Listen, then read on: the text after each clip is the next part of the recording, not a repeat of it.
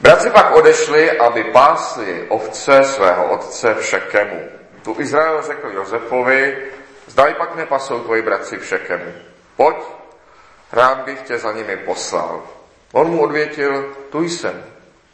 Izrael mu řekl, jdi a podívej se, je s tvými bratry a s ovcemi vše v pořádku a podej mi zprávu. Poslal ho tedy z Hebronské doliny a on přišel do Šekemu. Tu ho nalezl nějaký muž, jak bloudí po poli. A zeptal se ho, co hledáš? Odvětil, hledám své bratry. Pověz mi prosím, kde pasou. Muž mu řekl, odtáhli odtud. Slyšel jsem, jak říkají, pojďme do Dotanu. Josef tedy šel za svými bratry a nalezl je v Dotanu. Jakmile ho v dálce spacili, ještě než se k ním přiblížil, smluvili se proti němu, že ho usmrtí. Řekli si mezi sebou, hele, mistr snů sem přichází. Pojďte, zabijme. Pak ho hodíme do některé cisterny a řekneme, sežrala hodivá zvěř. A uvidíme, co bude z jeho snu. Když to uslyšel Růben, rozhodl se vysvobodit ho z jejich rukou. Zvolal, přece ho nebudeme ubíjet. Dále jim Ruben řekl, neprolevejte krev. Hoďte ho do cisterny, která je ve stepy, ale ruku na něj nevztahujte. Chtěl ho z rukou bratrů vysvobodit a přivez otci. Jakmile Josef přišel k bratrům, strhli z něho suknici, tu suknici pestře tkanou, kterou měl na sobě, vzali ho a hodili ho do cisterny. Cisterna byla prázdná, bez vody. Pak se posadili, aby jedli chléb. Tu se rozhlédli a spatřili, jak od Giládu přichází karavana Izmaelců. Jejich velbloudi nesli Ladanum, Mastix a Masti. Tahli s tím dolů, do Egypta. Juda řekl bratrům, čeho tím dosáhneme. Vy svého bratra zabijeme a jeho krev zatajíme. Pojďte, prodejme ho Izmaelcům, ale sami na něho nesahíme. Vždyť je to náš rodný bratr. Bratři ho poslechli. Když midianští obchodníci jeli kolem, vytáhli Josefa z cisterny a prodali ho Izmaelcům za 20 šekelů stříbra. Ti přivedli Josefa do Egypta.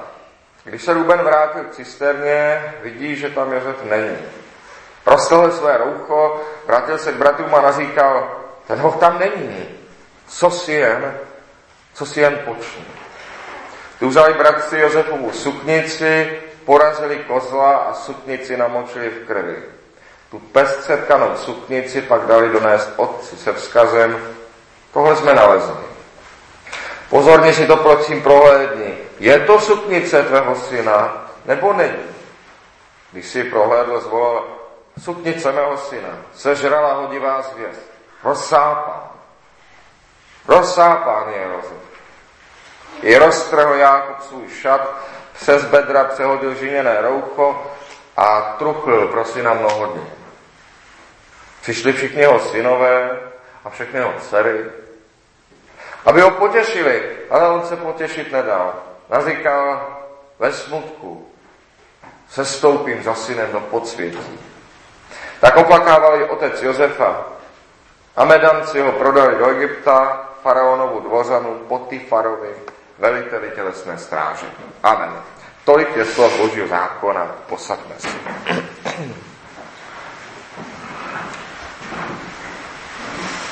Nejpodlejší satanská zloba je potrestat člověka za dobrý skutek. A přesně to udělali bratři Josefovi. A přesně to dělají lidé docela běžně. Josef poslechl svého otce a vydal se hledat bratry. Na místě, na místě, kde měli být, Šekemu, je nenašel. Nic mu nebránilo se na místě otočit a jít otci oznámit, že je nenašel. Místo toho, a Josef neví, jak bratry najít, nedá si pokoj a bloudí tam po tom poli, hledá řešení, dokud se jakoby z hůry nedozví, kde jsou. Dotanu. Dotan je od Šekemu asi 40 kilometrů daleko. Je to asi jako odsud do Litoměřic a to samozřejmě pěšky. A Josef se tam vydá. A takovým způsobem neplní úkol někdo, kdo chce mít prostě odbyto. Ale ten, kdo úkol chápe. Kdo chápe jeho smysl, kdo souhlasí s úkolem, kdo je s ním vnitřně stotožněn, ten, kdo vzal úkol za vlastní, naplno řečeno, takto plní úkol ten, kdo miluje.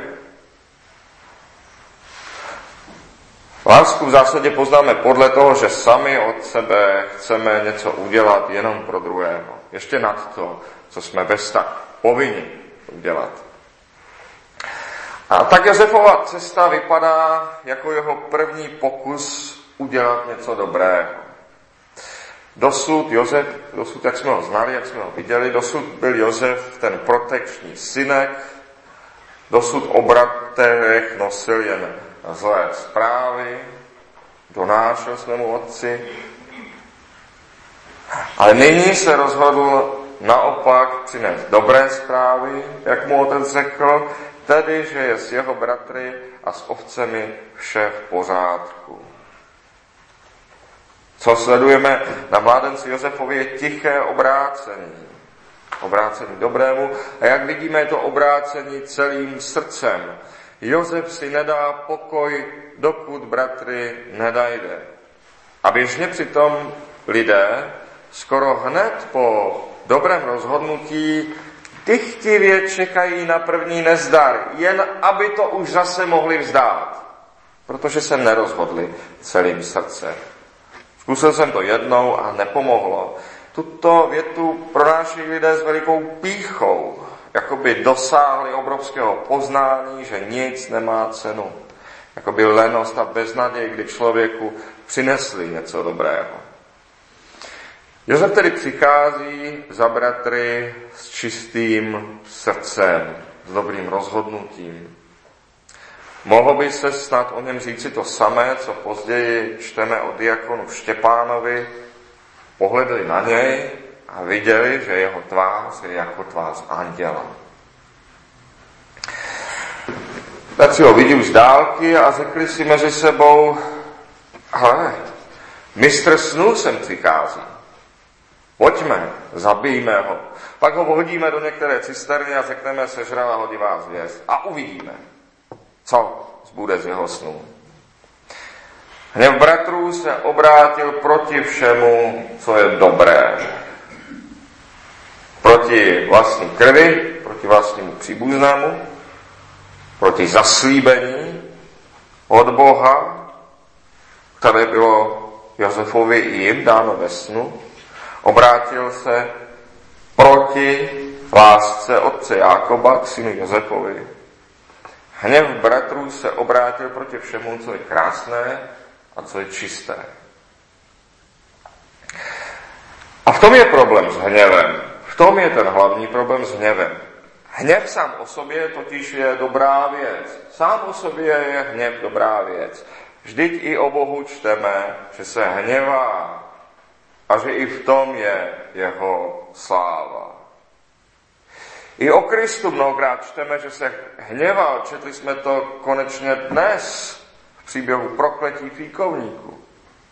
Hněv dal člověku Bůh, aby člověk nebyl netečný k nespravedlnosti, k utrpení.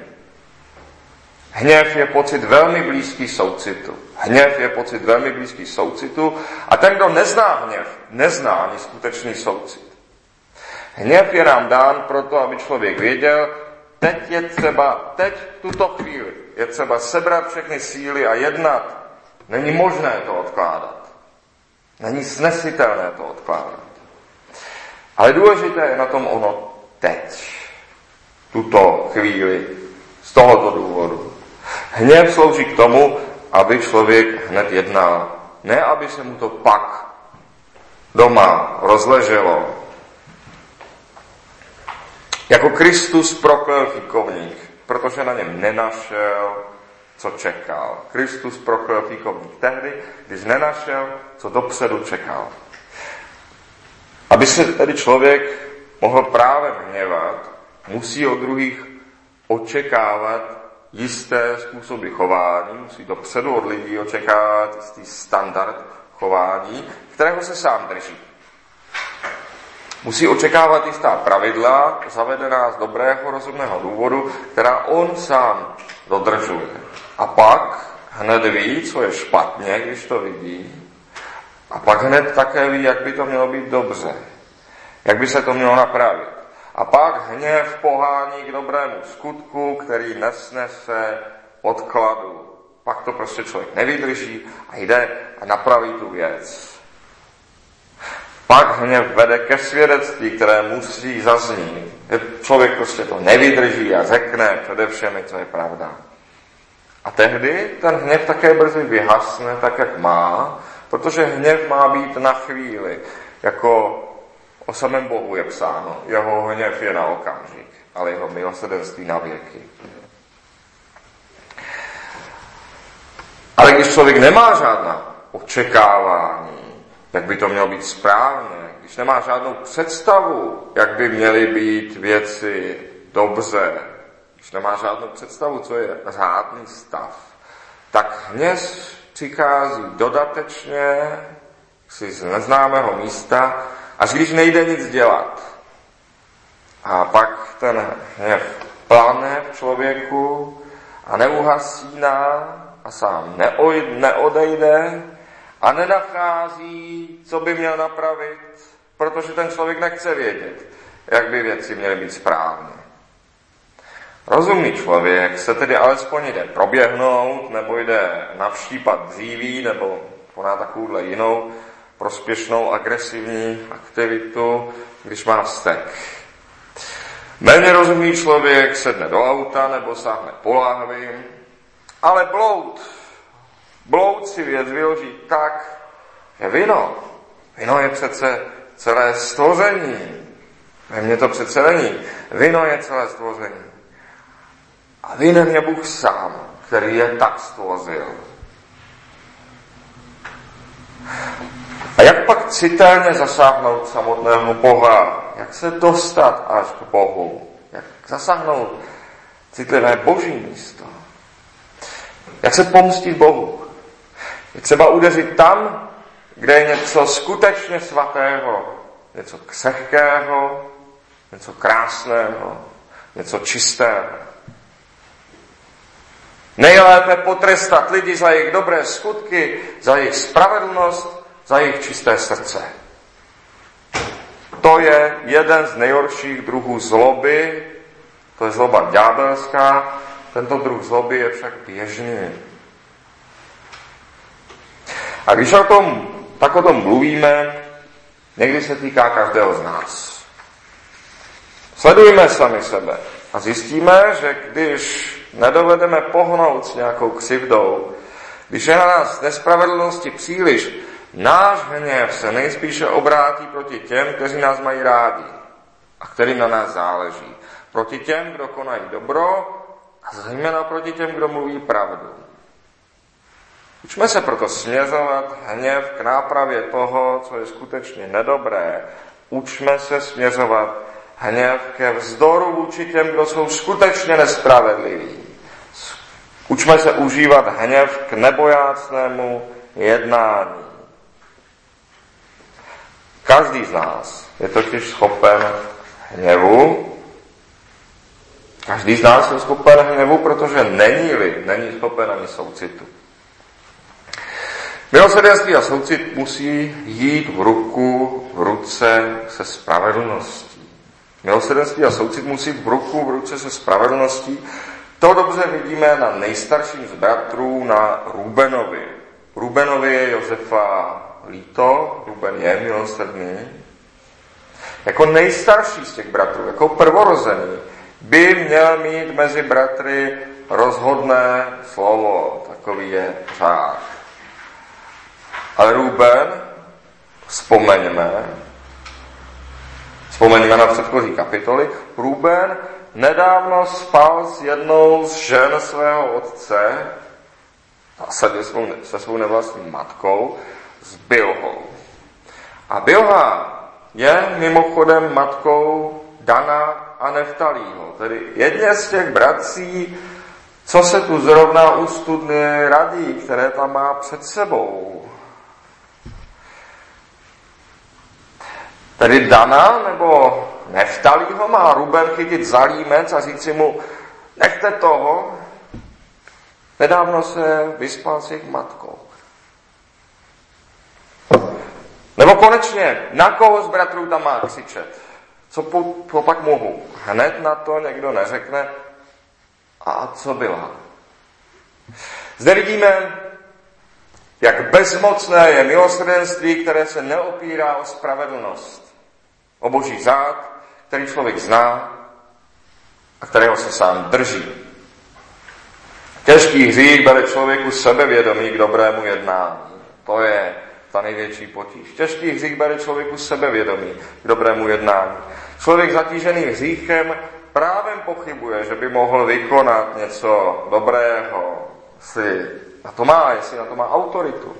Necítí se jako někdo, kdo by byl hoden prosazovat spravedlnost. A tak dodnes vidíme, že milosedenství bez spravedlnosti bývá bezzubé, polovičaté, spíše symbolické, než že by něčeho dosáhlo. Jako je pouze symbolický Rubenův pokus zachránit bratra. Ruben chce vykonat dobré, aniž by odsoudil hřích. A to právě moc nejde. On se vám řekne, neprolévejte krev, pojďte ho do cisterny, která je ve stepi, ale ruku na ně nevztahujte. Jakoby takový skutek byl v pořádku, jakoby, když tedy jenom hodí do studny někde uprostřed pouště. Ruben sám je otce myšlenky, že když nebudou mít bratři doslova ruce od krve, když jim doslova nepoteče po rukou, doslova pokud nebudou mít tu tmavě hnědou špínu, co jde špatně umít na rukou, no tak se vlastně nic zlého nestalo. Tak vlastně nic neudělali. Je to samozřejmě od něj taktická lež, ale lež, kterou on uvedl do světa, lež, která padá na úrodnou půdu, lež, kterou chce někdo slyšet. Nakonec je tu totiž Juda.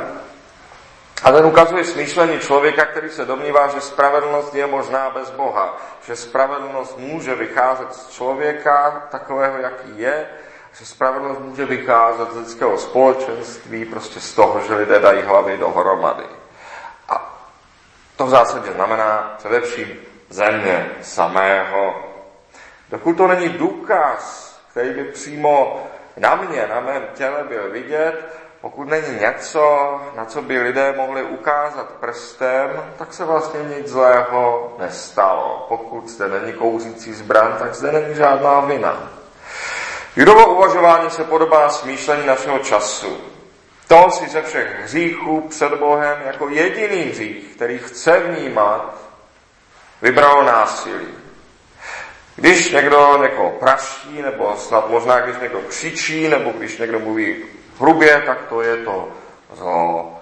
A jinak je všechno jedno. Juda doslova naplňuje oblíbené heslo současného člověka žít a nechat žít. A tak nechá Josefa žít.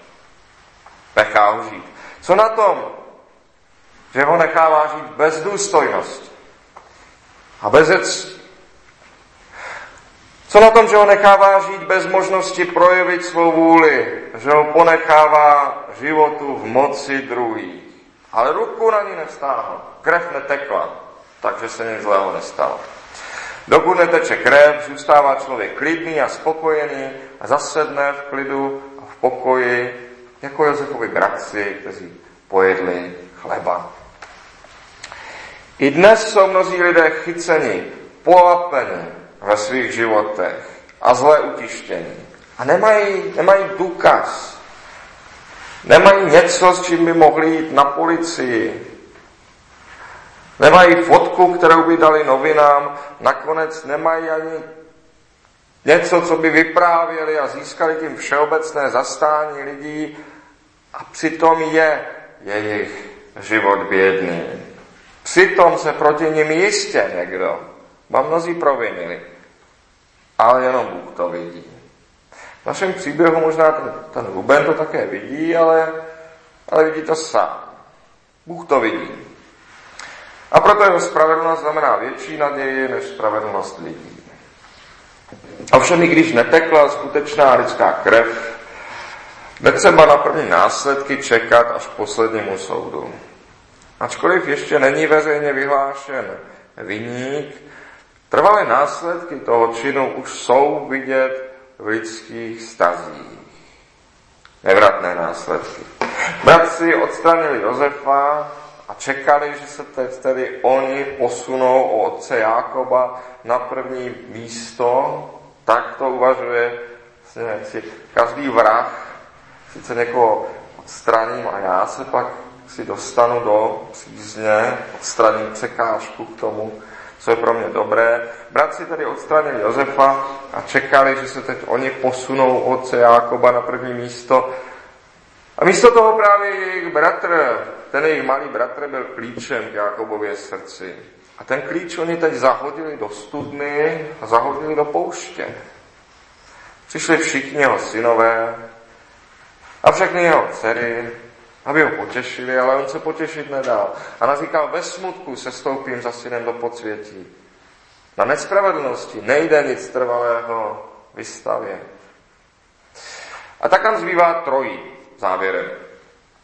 Za prvé, k Bohu obrácené, čisté srdce, odhodlané k dobrému jednání, které měl Jozef, se v tomto světě často setká s hněvem a trpí násilí. Musí se proto obilnit trpělivostí a vytrvalostí, neboť konečné vítězství patří Bohu. Za druhé, milosrdenství, které se nemůže opřít o spravedlnost, takové milosrdenství, jaké měl Ruben, mnoho nezmůže. A pro člověka je lepší zastávat spravedlnost, i když sám spravedlivý není. A za třetí, nakonec na Judovi vidíme násilí, krve prolévání, to není ten největší problém. To není ten jediný problém, který máme.